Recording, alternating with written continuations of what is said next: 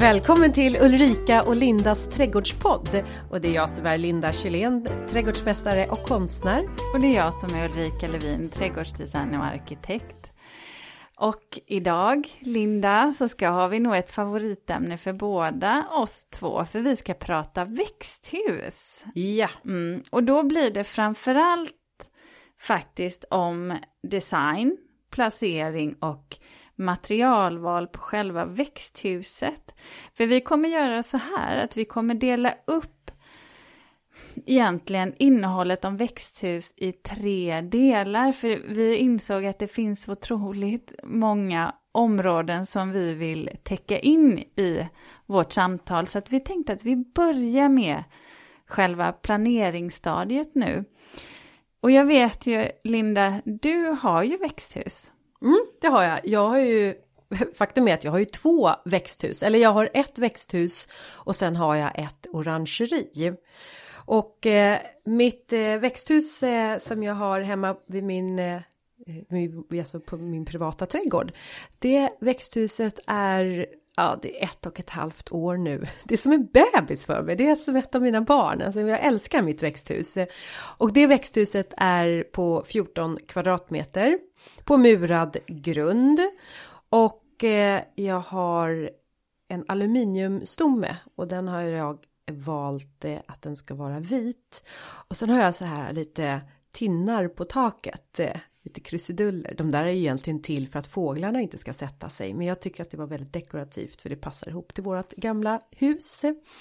Och så har jag dubbeldörrar på långsidan av växthuset. Och så har jag sex stycken öppningsbara takfönster.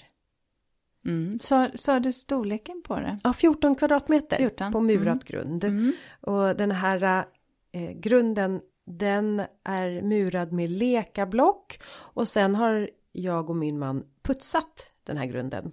Mm. Och jag har, eller vi har då pigmenterat den här putsen med oxidrött. Så att den är inte i en eh, betongfärg utan den är en, i oxidröd. Är den. Mm, lite varmare ton får du då. Mm. Det passar bra ihop. Vi har eh, Ölandstenar och sen har jag gatsten och engelsk eh, grus. Så att det passar in i de färgerna. Mm. Men, ja. ja, men sen har du ju det på Överjärva också. Ja, och där har jag ju ett orangeri slash vinkast. Um, och det är på närmare 100 kvadratmeter så det är ju stort där det. Och eh, där går ju det mesta på automatik eh, vädringsluckorna i taket i uppe vid nock och sen eh, har jag även vädringsluckor nere vid den murade den låga murade eller låga muren har jag närmare, jag tror att det är åtta stycken vädringsluckor också. Det är himla bra för att då öppnar man dem och så har man öppet upp i nock och då blir det ju ett drag där så att man får det cirkulerat inne. Och där inne har jag även automatiskt med skuggväv och till och med eldstad har jag där. Mm. Ja. Det är ju mysigt. Det är mysigt mm. är det. Mm. Men jag har ju, de, det är helt olika funktioner på de här. Det är trästomme ska jag säga på det här växthuset eller orangeriet på Överjärva gård med dubbelglas är det. Eh, men de är helt olika funktioner. Det här, det här eh, orangeriet det använder jag inte för att odla någonting i utan det är ju främst kurslokal som jag har det som. Så att där har, och även så övervintrar jag alla mina pelargoner och olivträd där. Mm. Medans växthuset hemma, det har ju en multifunktion. Det är ju både ett grönt extra rum, ateljé, odling, men även kontor. Aha, okej, okay. ja, du jobbar med det på det sättet. Ja. Jag har ju tyvärr inget växthus. Nej. Eh, jag skulle ju så gärna vilja ha det och jag har skickat in en ritning till eh, bygglovsenheten. Så får vi se om det går igenom. Jag tror inte att jag kommer få igenom det tyvärr. Um, lite med tanke på det område jag bor i, om att det är kulturminnesmärkt. Um, då blir regelverket väldigt stramt. Uh, så jag, jag, jag gjorde en chansning. Jag, jag tror inte att jag kommer nå hela vägen fram. Men däremot så, dels så får jag ju låna eh, mina föräldrars växthus eh, nere på Österlen jag är där om somrarna. Eh, och sen ritar jag ju framförallt många växthus åt mina kunder. Så att jag, jag, får ändå, jag får ändå göra det här planeringsstadiet eh, så många gånger om. Eh, även om jag inte har ett eget. Nej, och så får du vara hyresgäst då, hos mamma och pappa. Ja, så är, det är ju det. Dels tycker jag att växthus är så fantastiskt vackra eftersom det handlar oftast om så stora partier av glas. Men sen är det ju också att jag kan tycka det är så otroligt mysigt att vara i dem med hela den här atmosfären som man får gratis. Känslan av att man ändå ser ut och du vet när man sitter när det börjar bli lite mer skumt och det kanske ändå är lite lite kyligt eh, och gärna om det är stjärnklart och så. Jag tycker det är så, ja det är så, det är så härligt. Det... Vindskyddat, det tycker jag om. Ja. För det är eh, något som jag, jag blir slut i huvudet av blåst. Mm. Och sitta ute och äta och det blåser, alltså det Nej, jag blir nästan stressad av det. Så att det här att kliva in i det här glashuset. Det är vindstilla och varmt och eh, servetten ligger där jag har lagt den. Ja, så Salladsbladen visst, också. Så. Och om det regnar eller man kan förlänga säsongen. Jag tycker det, det finns så många fördelar med växthus. Men du nämnde ju något som, var, eh, som jag tycker är intressant eh, och som jag eh, skulle vilja att du förtydligar. För det, det är ju faktiskt en skillnad när vi pratar växthus kontra orangeri. Mm, det är det. Eh, man säger ett växthus, det är ju som namnet ett hus. Det har ett eh, tak som är i eh, ett brutet tak är det oftast. Ja, mm. sadeltak eller pulpettak ja. vad man nu väljer. Och alla väggar har ju eh, alltså antingen är det glaspartier eller om man nu har då ett, ett sånt där kanalplast tror jag en del kan vara i också. Men alla väggpartier är genomskinligt material på växthus. Och eh, det är också så här att ett växthus är ju egentligen inte vattentätt. Man får tänka på att det, det är, det kan, man ska blaska med vatten och det är som ett, ja men det är ett grönt uterum.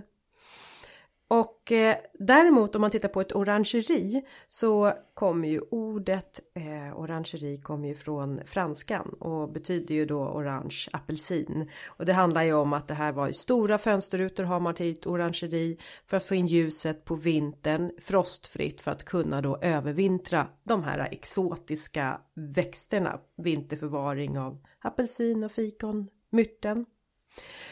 Men det som också kännetecknar ett orangeri det är ju att eh, man har eh, norrsidan utav ett orangeri är i en, alltså det är en murad, det är en vägg. Eller det kan vara som är anlagt mot, eh, som på Överjärva, då är det anlagt mot trädgårdsmästarbostaden. Mm. Så att det är en enhetlig vägg och den där väggen den eh, tar ju då alstrar värme på och håller kvar då under natten.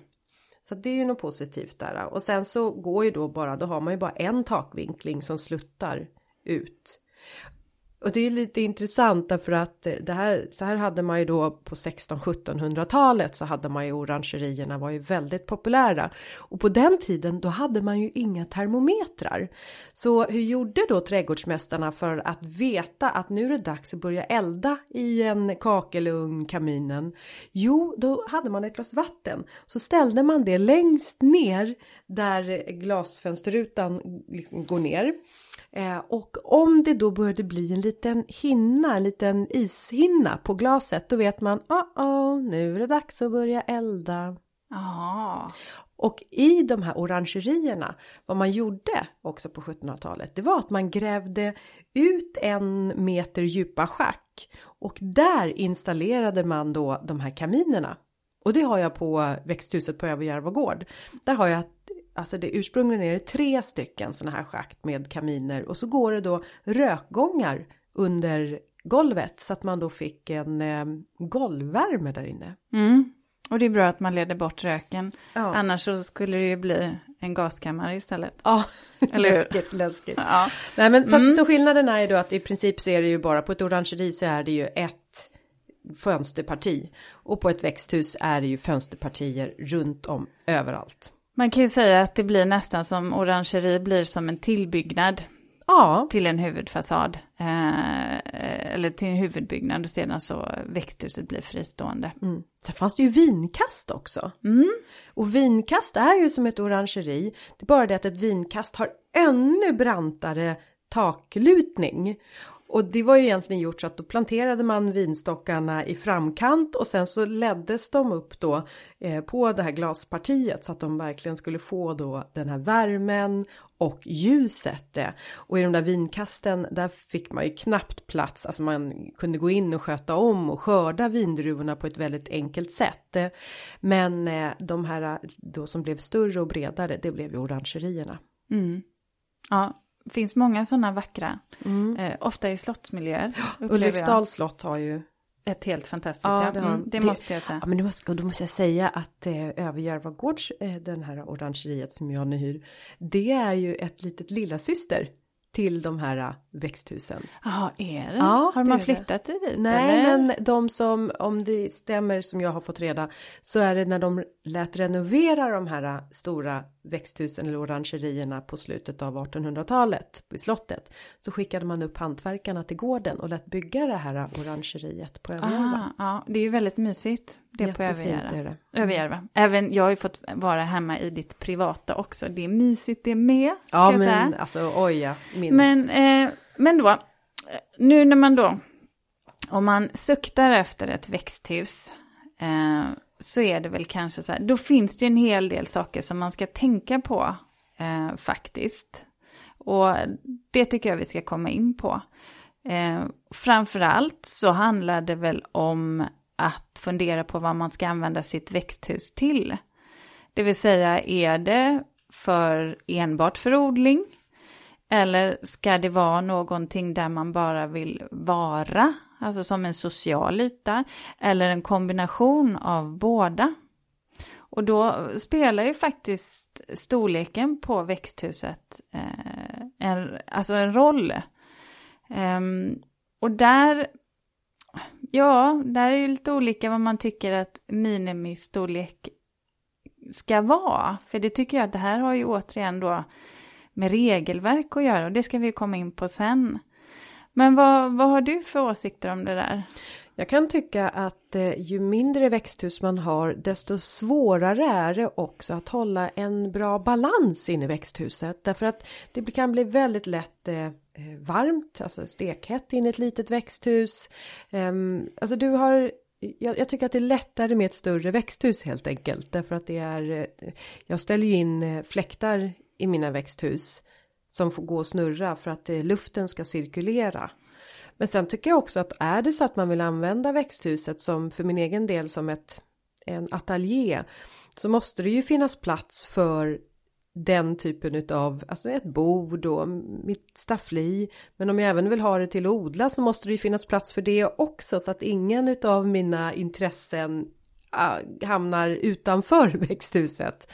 Så att det, jag valde 14 kvadratmeter men det gjorde jag också för att det, det är ju vad man får bygga utan bygglov. Man behöver ha, jag vet inte exakt storleken, men man behöver ha grannarnas tillåtelse. Mm. Ska, vi, ska vi dra det där Ja, det bara där du koll snabbt så. Mm. vi tar regelverken? För att det finns ju olika regelverk att förhålla sig till. Eh, om man nyttjar friggebodsreglerna då är det ju 15 kvadratmeter max. Och det betyder att så, nockhöjden, alltså det vill säga höjden på växthuset får vara max 3 meter. Det här är ju en bygglovsbefriad åtgärd så det innebär ju att eh, man även kan bygga det på prickad mark förutsatt Alltså prickad mark också om vi ska förklara det. Det är alltså mark som inte får bebyggas med någonting som kräver bygglov kan man enkelt säga. Eh, men det man måste tänka på är då att man måste vara när, alltså eh, att man inte får vara närmare än 4,5 meter från tomtgräns. Eh, och ifall man nu är det, eh, och har grannar, precis som du säger, då måste man ju få ett granngodkännande för att placera fr eh, friggeboden då. Nu är det ju växthus vi pratar om, men vi kallar det för friggebod för då pratar vi 15 kvadratmeter stort hus. Eh, då måste man ju få granngodkännande. Och här, tänk på det här, det absolut bästa man då kan göra det är att ha en situationsplan, en tomtkarta där man placerar ut växthuset där det ska stå på tomten. Man skriver måtten på hur stort växthuset ska vara, längd, bredd och sedan så mäter man också in, så ritar man också in avståndet till eh, tomtgräns. Och sen så ber man grannen skriva på det här. Och är det två ägare till huset, om man, det vill säga ett par som bor där, så är det så att då måste båda två skriva på den här ritningen för att man ska ha det svart på vitt, att grannarna har gett sitt godkännande för att man ska få uppföra en friggebod närmare än 4,5 meter från tomtgräns. Jätteviktigt. Jag har varit med om kunder som har fått muntliga överenskommelser och sen när huset väl har stått på plats så har det blivit ett annat ljud i skällan. Det är inte roligt för då blir man eh, ansvarig för att flytta det många gånger. Men alla kan inte se det framför sig. De säger ja till en ritning och sen så blir det något annat när huset väl är på plats. Så det har vi ju. Eh, då ska man också säga så här att det här gäller ju inte när det gäller eh, om vi pratar nära vatten, det vill säga att om man har strandskydd, då är det andra regelverk som gäller. Och det finns ju alltid så att det kan vara att man kan ha speciella bestämmelser i området man bor i. Och då får man faktiskt läsa på i detaljplanen för att se eh, vad, som, vad som krävs. Eh, attefall. Ska man ha ett attefall, eh, då kan man max 30 kvadratmeter. Då kan huset vara 4 meter i höjd. Eh, ska också vara 4,5 meter från tomtgräns, men man kan få placera det närmare Eh, dels måste ju grannarna godkänna det, men då måste också eh, byggnadsenheten, det vill säga kommunen, ge sitt godkännande. För det är inte bygglovspliktigt, men det kräver alltså en bygganmälan. Så att där måste man skicka in ritningar då till stadsbyggnadskontoret hos kommunen. Eh, och sen har vi, och nu pratar vi då fristående Mm. växthus. Sen kan man ju också naturligtvis göra ett växthus eller ett orangeri mot sin tillbyggnad och då har man också attefallsregler man kan nyttja. Men då är det 15 kvadratmeter som gäller. Eh, och det också, kräver också bygglovsanmälan eh, faktiskt. Sen kan man ju ansöka om ett bygglovspliktigt Just det. växthus. Mm. Om man vill ha någonting som är större eller man inte får bygga ett attefallshus till exempel. Eh, och då skickar man ju in en bygglovsritning och det här styrs av hur stor del av tomten som egentligen får bebyggas, det vill säga byggyta. Det står också att läsa om i detaljplanen. Tycker man att det här blir råddigt så måste jag säga att de flesta kommuner har superbra hemsidor och information på sina Eh, på webben som man kan läsa på om det här och det är bara att kontakta eh, stadsbyggnadskontoret om det är så att man funderar på vilket regelverk man kan följa. Så, nu har vi tagit det. För att det kräver ju också just det här när vi kommer tillbaka till var man ska placera sitt växthus. Eh, och där är det ju sol eller skugga, Linda, vad säger du? Det beror på hur du ska använda växthuset. Ska du använda växthuset till eh, odling, det är huvudsyftet, då bör det ligga soligt. Så att du då själv kan eh, med hjälp av skuggväv eh, skydda från allt, allt för starka strålar. Men om det är så att du ska ha det här växthuset mer som ett uterum eller det här gröna extrarummet. Då skulle jag lägga det i lite vandrande skugga. Man är väldigt tacksam för de här träden eller och man kanske har en, en häck som ger viss skydd och ifrån skugga men även insyn såklart. Eh, jag kan tycka att det ser lite tokigt ut ibland hur de här växthusen ligger bara utslängda. De vill, man vill bädda in dem. Du vill ha en inramning, det håller jag med om. Ja. Sen kan man ju tänka på det här när man placerar träd att um, Har man inget träd så kan man alltid plantera ett nytt. Det går naturligtvis bra. Man kan skapa sin egen miljö. Eh, ifall det är så att det enda stället man nu har sitt träd på, det är inte optimalt för just växthuset. Så där kan man ju faktiskt skapa en ny miljö. Men sen får man också tänka till eh, kring om man ställer växthus för nära stora träd eh, som tappar kanske lite större grenar mm. när det blåser på hösten och så vidare. Det är inte optimalt. Nej. Det är alldeles för många rutor som går då. Mm. Eh, vi, eh, när vi placerade ut vårt växthus så var det ju också att det blev 14 kvadratmeter. Det var ju också ytan som begränsade eh, platsen. Ehm, så att vi, det hamnade i lite ett halvskuggigt läge i våran ena hörna på tomten. Och där får det då lite skugga ifrån, vandrande skugga. Och det är jättebehagligt. Och det blir också så att jag odlar ju till viss del då i växthuset, ja men klassiker liksom. tomater, de kommer, de kommer per automatik när man har ett växthus, man odlar tomater. Eh, men det är lättare att faktiskt lämna växthuset ett par dagar om man har den här naturliga eh, skuggan.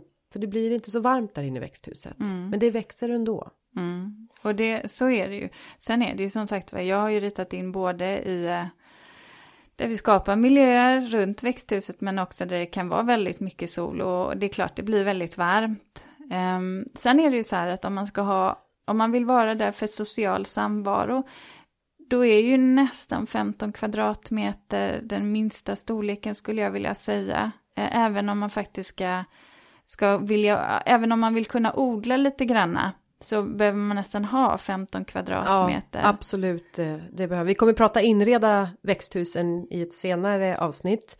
Men det håller jag med om. För ofta så tycker jag i alla fall att man ska ha plats för sex personer att sitta.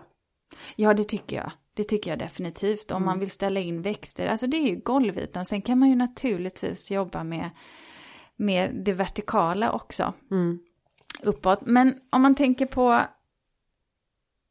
det här med placering, för det sa ju du, sånt som påverkar på utsidan, grannar gör ju det, insyd naturligtvis. Och här då när man tittar på materialval av växthus så kan man göra det i trä mm. eller i metall. Man kan ju då också välja att, som du var inne på, välja en vägg, eh, en murad vägg, en helmurad vägg, eller i trä för den delen. Eh, för att få, eh, det kan ju i sig också skapa insynsskydd. Ja, och skuggskydd. Ja, mm. båda två där. Mm. Men du hade ju metall. Mm. Hur kom det sig att du valde metall själv? Nej men det var väl för att det är ju nästintill skötselfritt eller nästan till det är det är det. Trä har jag på orangeriet i, på Överjärva gård och där det målades om här för eh, något år sedan och herre jösses vilket jobb det var. Nu var ja, det 100 kvadratmeter ja. men det var så mycket jobb med det och det är lite bökigt att hålla på med alla de här. Man vet ju det bara måla spröjs på, på husets fönsterrutor är, är mycket jobb med så att aluminium kändes som ett eh, bra val. Mm. Och så är det ju. Sen kan man ju faktiskt, det ritar jag ju in eh, också när det gäller träväxthus, man kan ju välja ett trä som får gråna per automatik. Eh, som ett ädelträ. Eh, till exempel ceder kan man göra, om man lämnar det så blir det ju grått så småningom. Men då hamnar man ju också i det här att det ska passa in i, eh, på tomten eller tillsammans med det huset som står på tomten. Ja, men det kan ju snarare handla om tycker jag, om utformningen av själva växthuset och hur, ja, men vilken typ av dimension du har på ditt virke.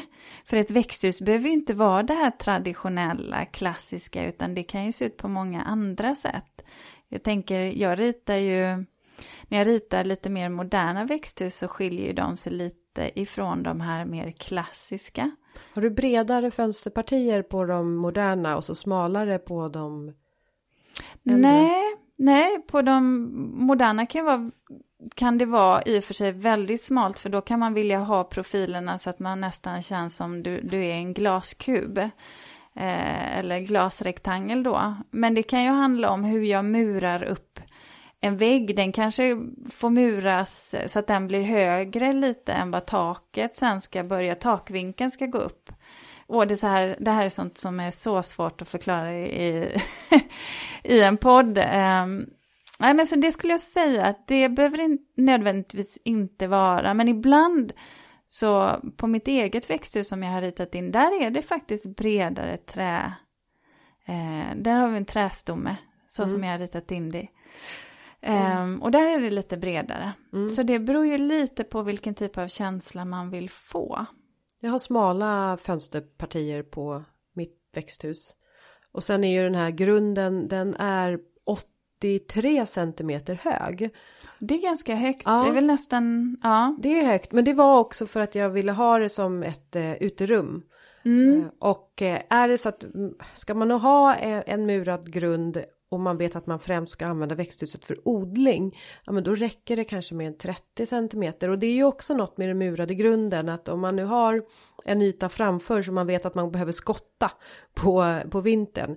Så då ligger det här glasfönsterrutorna, de är lite i riskzon för att faktiskt att man skottar sönder eller det kommer snö upp på dem. Så att den där muren skyddar ju såklart som en sockel, den skyddar ju Mm, den, den binder ju också lite värme. Ja, faktiskt. absolut. Den värms ju upp under dagen så att den håller ju värme under natten.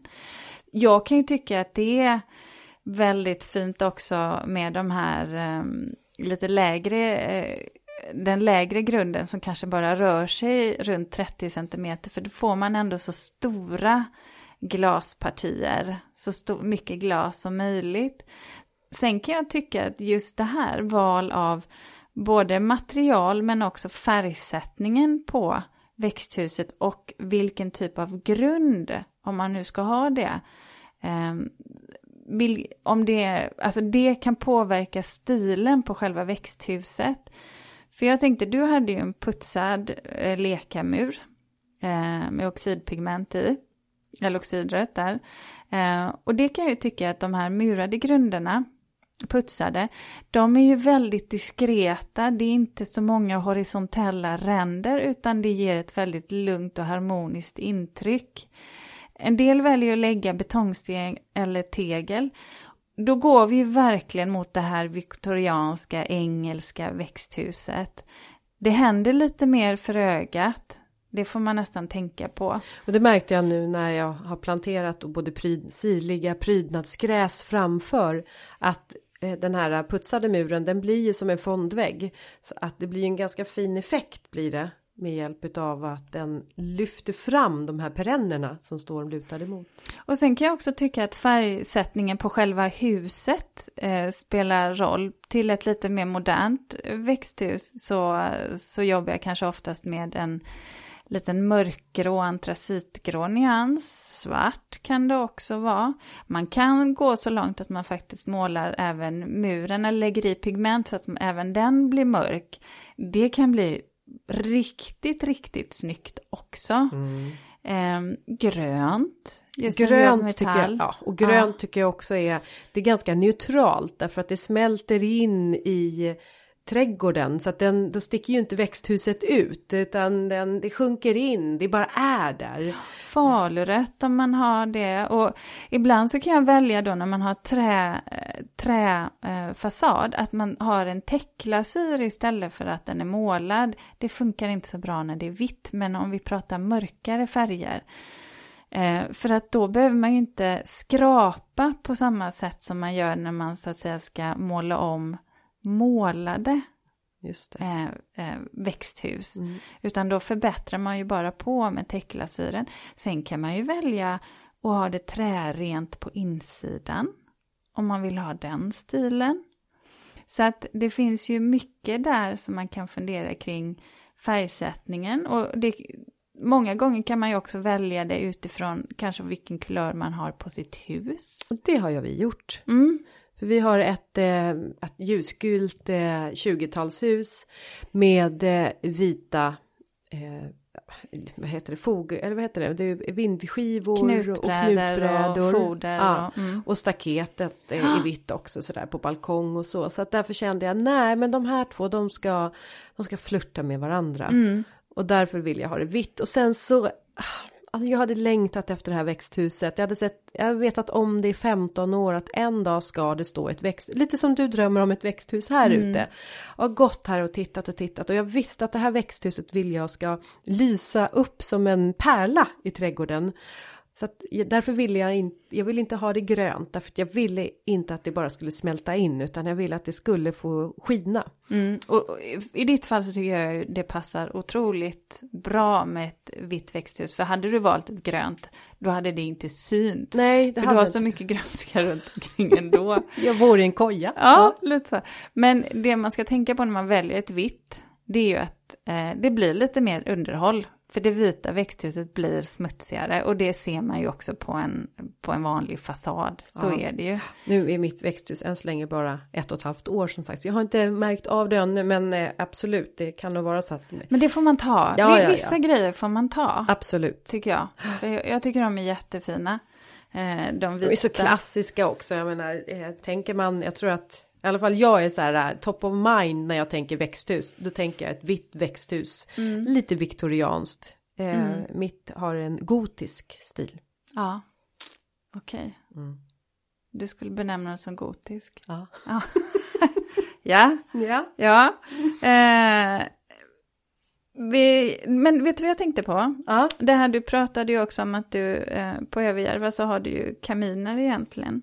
Eh, och det, ska, det är också någonting som man behöver tänka på redan från början om man vill ha uppvärmning av ja, växthuset. Ja, och det hör ju till inredningen och vi ska komma tillbaka till det i, i avsnitt där vi pratar inredning. Men framförallt så tycker jag ju att man måste tänka till var den ska placeras.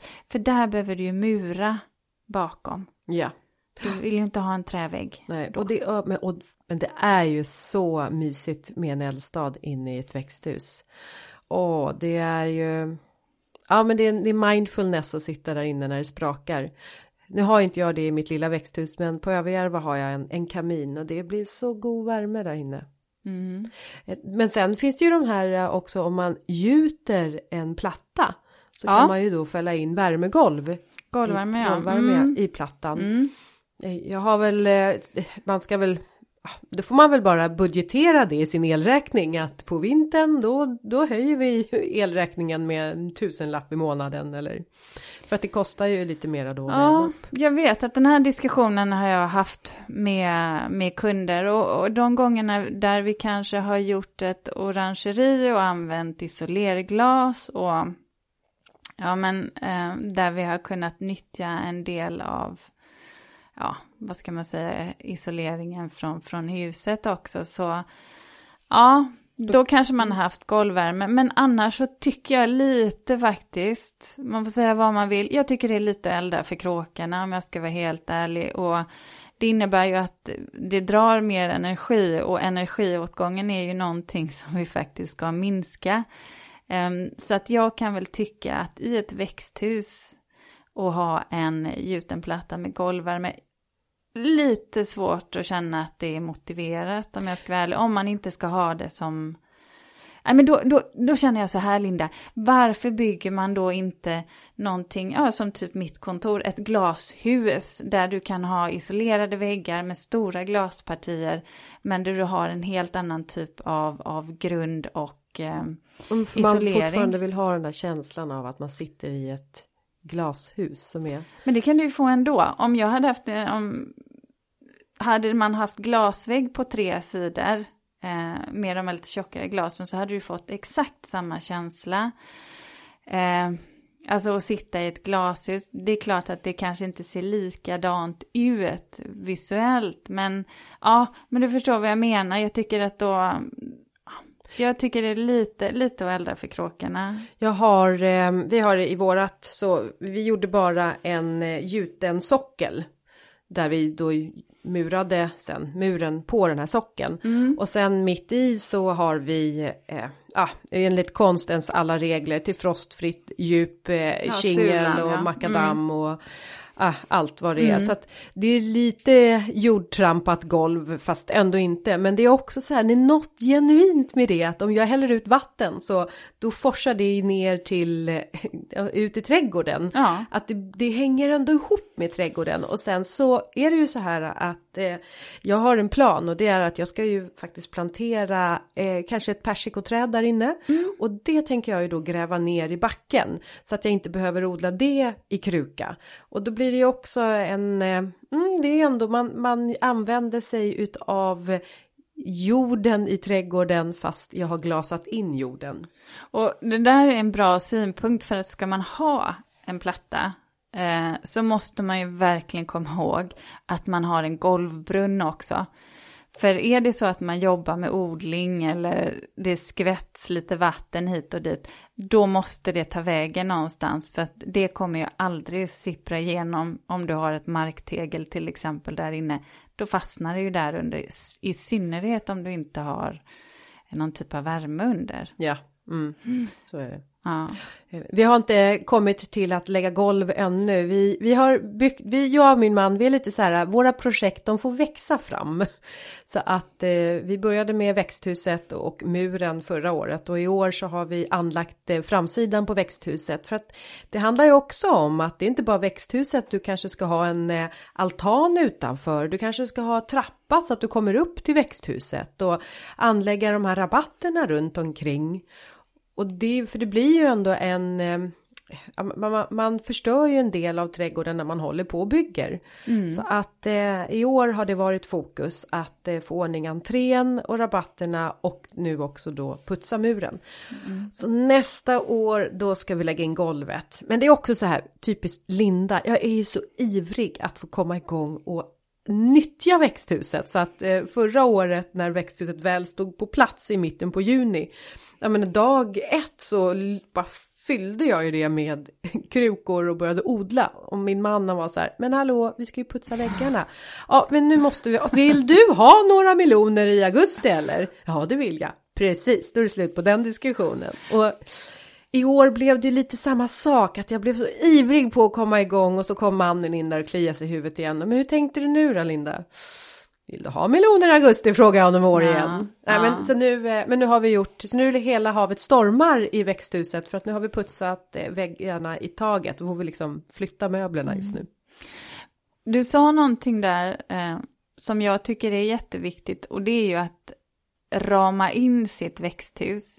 Så att när man pratar om att eh, designa sitt växthus så tycker jag att minst lika viktigt är att fundera på hur ska du komma in i växthuset? På långsidan eller på gaven? Eller ska det finnas utgångar åt båda håll? Ehm, det ska man ju alltid tänka på att när man gör så, när man har två utgångar och ett litet mindre växthus så låser det ju en hel del av ytan på insidan. För man måste ha ett, ett flöde då i så fall genom sitt växthus. Det är jätteviktigt att tänka på. Hur kommer du röra dig i växthuset? Hur kommer du röra dig på utsidan? Var ska dina gångar gå? Ska du ha plantering närmast växthuset eller ska gången gå där? Vill du ha en uteplats? Ska det vara en köksträdgård i närheten? Ja, då kanske du behöver fundera på vad ska du ha vatten vatten i så fall, både vatten inne och ute.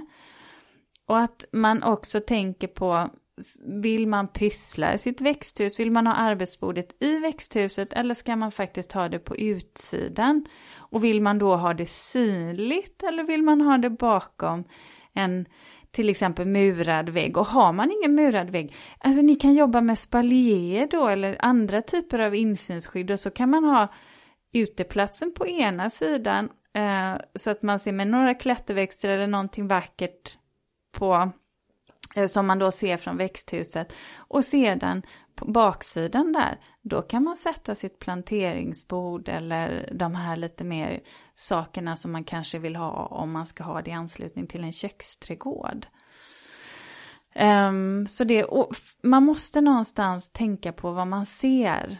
I och med att växthuset blir så genomsiktligt så måste man ju fundera på vad vill jag ha för perspektiv? Och då får man nästan skapa dem mm. utifrån Vi... växthuset.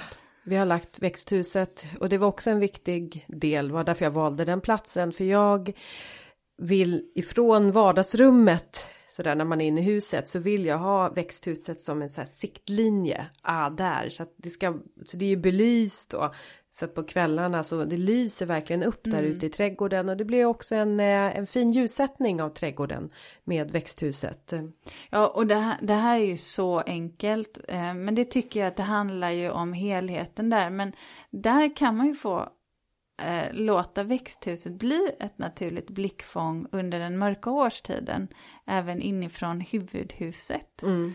Eh, så att där behöver man, där tycker jag man ska fundera. Och där kan man ta till ordentligt i området runt omkring för att få en riktigt fin, mysig eh, inramning till växthuset. Vet du vad, i den här senaste veckan då har jag också ljussatt runt omkring växthuset. Mm. Så att jag har satt lite lampor som eh, till viss del lyser upp växthuset och i alla fall rabatterna runt omkring. Och det skapar också en väldig, eh, ja men en, en fin effekt. Gör det. Mm. En livfullhet. Får inte vara för mycket för att jag vill fortfarande att insidan av växthuset ska lysa. Men en viss del och speciellt också handlar det om att vi har ju en nivåskillnad. Så att den där nivåskillnaden behövde lysas upp så man inte snubblar sig fram. För det växthuset används sent på nätterna av hela familjen. Vi är nästan så här som att vi måste, har som ett bokningssystem av växthuset. Och det är inte bara jag och min man som bokar utan nu börjar det bli kompisarnas eller säga barnens kompisar som ringer och nästan bokar växthuset för att alla de ska hänga där inne. Ja men du, vad fint. Ja men det, vi har en, eh, vi har ett liksom, fritidsgård. Ja, nej men det, alltså det låter ju fantastiskt. Det är någonting som de kan bära med sig i livet sen. Kanske der, där kanske deras dröm om ett växthus föds. Vad vet jag? Ja, jag Ja. tror nästan det. Min, min, min son har börjat odla nämligen så att det Ah, ja, det är ju Ja, spännande. jag, ska, jag försöker att inte visa min stora iver och glädje för tänker jag oj oj oj då blir han alldeles utan jag försöker vara lite lugn och sansad men inom precis. mig så De är jag måste helt få, få, ja, ja, ja. få uttrycka Ja, sitt själv. eget. Mm. Eh, men du, eh, Linda, jag var så vansinnigt snabb. Så här blir jag alltid när vi har någonting som jag verkligen vill prata om. Jag glömde att fråga dig hur du har haft det sen vi såg sist. Jo men jag vet du glömde det och jag var så ivrig att berätta. För jag har gjort något så helt tokigt. Jag har haft... Eh, Jag bara kände så här, åh, jag märkte att jag själv började hålla andan. Vad kommer nu? ja men det här är helt tokigt. Nej men jag har odlat eh, sommarblommor i år. Och jag har gödslat mina sommarblommor med hönsgödsel och kogödsel. Och jag har skött om de här, alltså de har fått det mesta kärlek man bara kan ge. Eh, men det ger ju resultat. Så nu ska jag då börja och ta och klippa lite solrosor tänkte jag här till buketter. Men det var bara det att de var så grova. Så att eh, när jag hade nu bland annat TV4 var på besök hos mig i sommarblomsodlingen. Då fick vi lov att hämta såg. Va? Vi fick Nej men driver du med mig? Men vadå, alltså Ja, en, en vanlig såg? ja, en vanlig såg och sen så sa vi så här. Ska vi gå ut och fälla några solrosor eller? så Men det vi, är helt Jag hysteriskt. vet, helt hysteriskt. Så att vi, jag odlar, och- men jag får inte använda sekatör utan numera använder jag såg så jag kan. Jag sa ju det att de är lite läskiga Linda. Det var ju det. Du vet, de är lite, lite alien-varning. Ja, det är okej. Och när jag väl fick ner dem, alltså blommorna, de är, vad är, hur stort mått är det här? Ja, nu måttar Linda 50, ja, 60 nästan skulle jag säga. Ja, det är sizen på Ja, men, blommorna. äh, nej, jag tycker det är, jag tycker det är obehagligt. Jag får så här obehagskänsla. Jag gillar inte solrosor. Jag tycker de är läskiga. Ja men det var, jag, jag tycker det var, jag Ja. blev alldeles... Ja. Så det, det, har, det har jag gjort. Jag är ute och sågar solrosor. Det är Ja. jag ute och gör. Ja, ja, okej. Och sen förutom det så har jag eh, också kommit igång med mina konstkurser som jag håller i växthuset. Och det är så roligt därför att det har varit så mycket som har varit eh, ur led det här året. Ingenting har varit så här som det brukar. Mm. Och det vågar folk boka nu. Ja, nu har de, ja, vågar de boka, men det är också så här som arrangör så är man ju tvungen självklart att se till att de som bokar ska känna sig trygga Och att man anpassar sig efter det som är myndighetsrekommendationer. Och därför så har jag minskat ner antalet eh, deltagare. Och jag ser verkligen till att eh, det är bra med space runt omkring. Och så pratar vi om det när vi kommer. Att nu, nu får vi hjälpas åt att försöka hålla ett bra flöde. Mm. Alla sitter ju stilla när de målar också. De är ju, de försvinner ju efter en halvtimme. Då är det bara eh, sex olika bub bubblor som sitter inne ja, i växthuset. Jag förstår. Ja. ja. jag kan tänka mig det. Ja, så ja. det har jag gjort. Mm. Du då Ulrika? Det har varit jättemycket jobb. Uh, och det, det jag tänkte på var faktiskt just när vi skulle podda det här avsnittet om växthus, det var att jag kom ut till en eh, kund som jag varit hos tidigare som vill ha lite vidare hjälp nu. För de har kommit en bra bit i sin trädgård. Eh, men så vill de just göra ett växthus och det började vi prata om. Men det roligaste var också att de hade anlagt två rabatter som alltså är 30 meter långa. Oj, det låter som vid ett engelskt slott. Exakt. Eh, och det, det, är inte det som är det roligaste. Det här är kul, för, för då jättelånga, det här blir roligt att göra utifrån en planteringsplan. Men det, det som jag tyckte var så härligt, det var att den här, när jag träffade de här så var det, det ska vara lättskött och jag kände nog att, att eh, kanske mannen i familjen, han var, det här med växten, nej, inte så. Det var inte, det var inte riktigt hans cup of tea. Eh, och när vi sitter och pratar då, när vi ska prata om det här med, när jag frågar vilken typ av växtlighet, vad tänker ni för färgskala och så där, finns det några favoriter eller saker de inte gillar? Då vänder jag mig per automatik då mot frun i huset. Och då tar han fram sin lista. Och hon blev lika förvånad som jag. har du gjort din lista? Ja, det har jag. Och sen så rabblade han alltså upp alla växter som han tyckte var fina. Sen Oj. är det upp till mig då, de är väldigt generösa och säger att du bestämmer, för du kan det här. Det tycker jag är bra. Det blir mm. jättebra. Ja. Men det var så himla härligt för att jag skulle inte säga att hans trädgårdsintresse har väckts på det sättet, men ja, han hade kommit ett steg du, längre. Ja, jag, tyckte hade... det var ganska, jag tyckte det var ganska roligt att ja. se. Att helt plötsligt så kunde han också börja benämna vissa blomsorter. Han hade funderat på vad han faktiskt tyckte om. Det tyckte jag var roligt. Jag gillar det, för det handlar ju ändå någonstans om en plats där de ska befinna sig i och då är det klart att man vill vara med och tycka till om den. Att man inte bara säger äh, jag bryr mig inte utan det är ju ett sätt att visa att men jag bryr mig faktiskt. Ja, och sen så, ska, vi ska jag ska rita ett spabad och sådär också. Det var just det här, det var samma, samma diskussion där som jag har hört att jag har pratat om tidigare. Det här med perspektiv. Men det här är jättefint nu.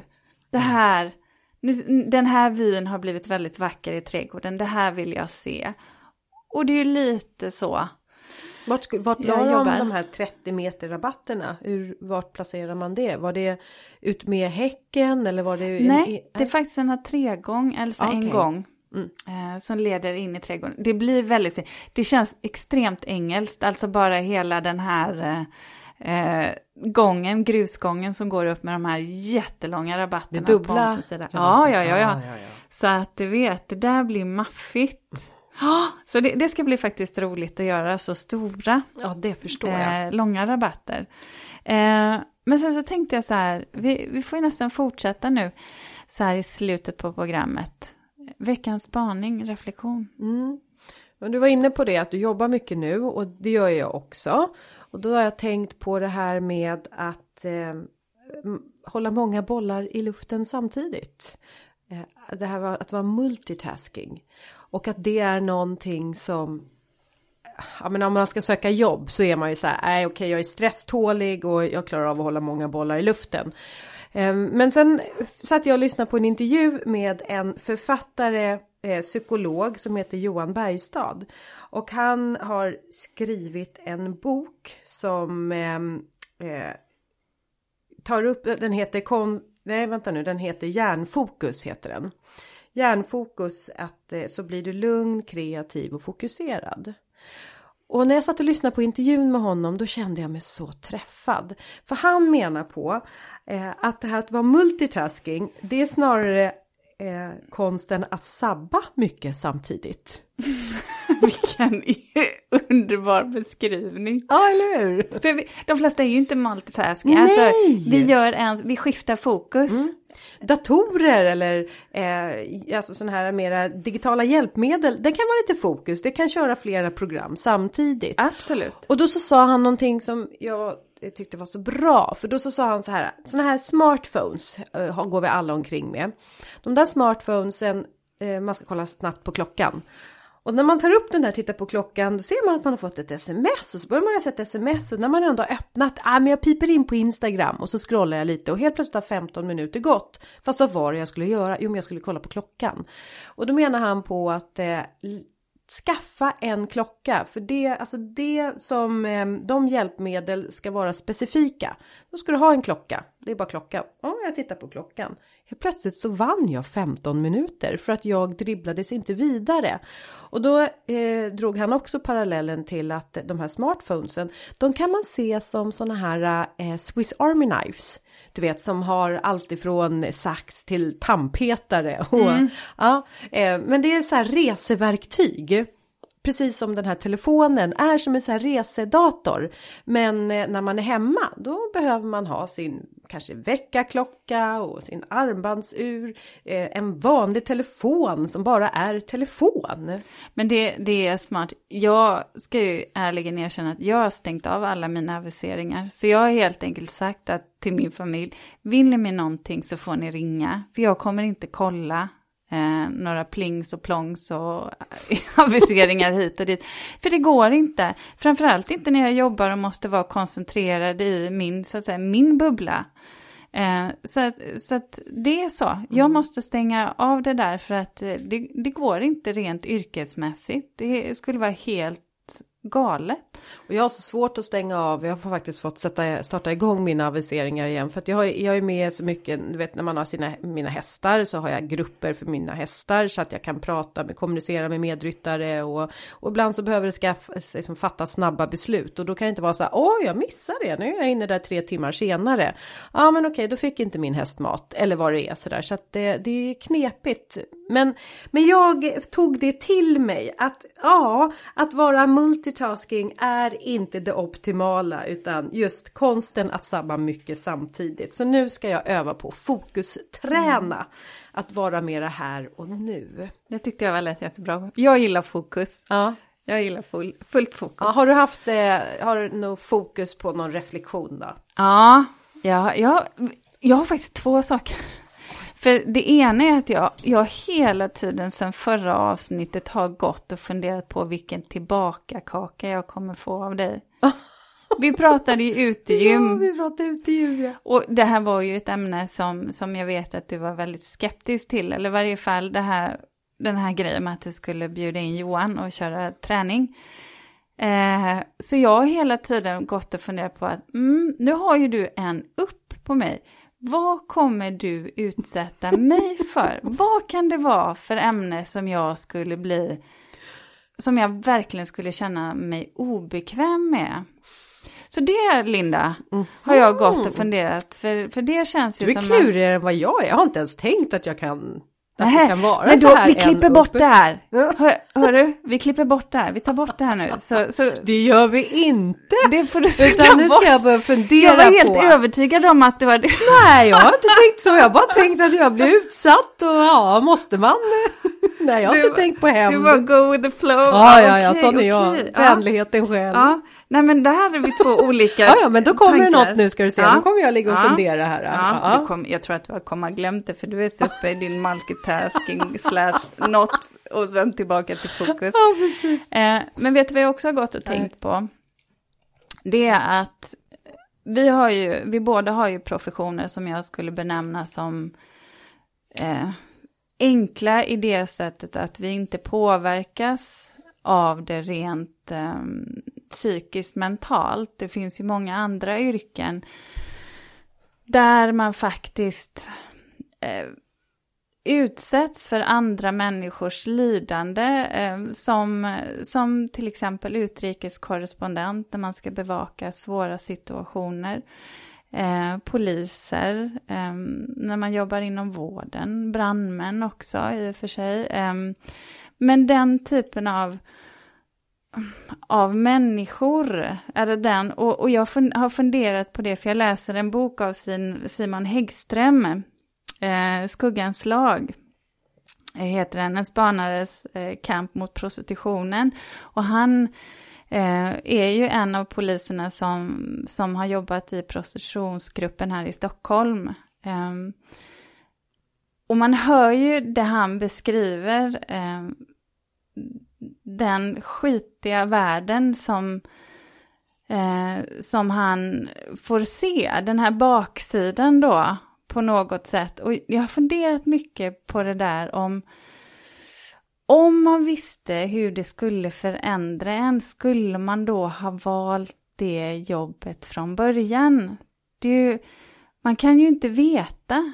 Mm, jag tänker på bekanta som har kommit hem från de kanske åkte iväg i form av eh, läkare eller sjuksköterska och kommer hem och har besökt barnhem då i andra Men... delar av världen. Och det gör någonting psykologiskt med dem. De, de har sett en sida som de var omedvetna om innan. Mm. Jag tänker, tror du inte ändå om man väljer, för det är ju ändå ett, jag ska inte säga extrem, men det är ändå någonstans att befinna sig i, i liksom där det är som mest utsatt. Att då vet man om att nu kommer jag nog få vara med om, om upplevelser som kanske kan bli traumatiska. Alltså jag tänker, eh, man är ju nog lite modig ändå som väljer den typen av professioner. Det tror jag. Att, Sen kanske det kommer till ett pris, jag ja, vet inte. Ja. Jättebra bok, eh, verkligen. Mm. Så de har två kan... bra böcker. Ja, mm. herregud, ja, vi är som värsta... Ja, eller hur, vi är boktipsarna. Järnfokus ja. hette min och din hette? Eh, Skuggans lag, en spanares kamp mot prostitutionen. Eh, vad bra.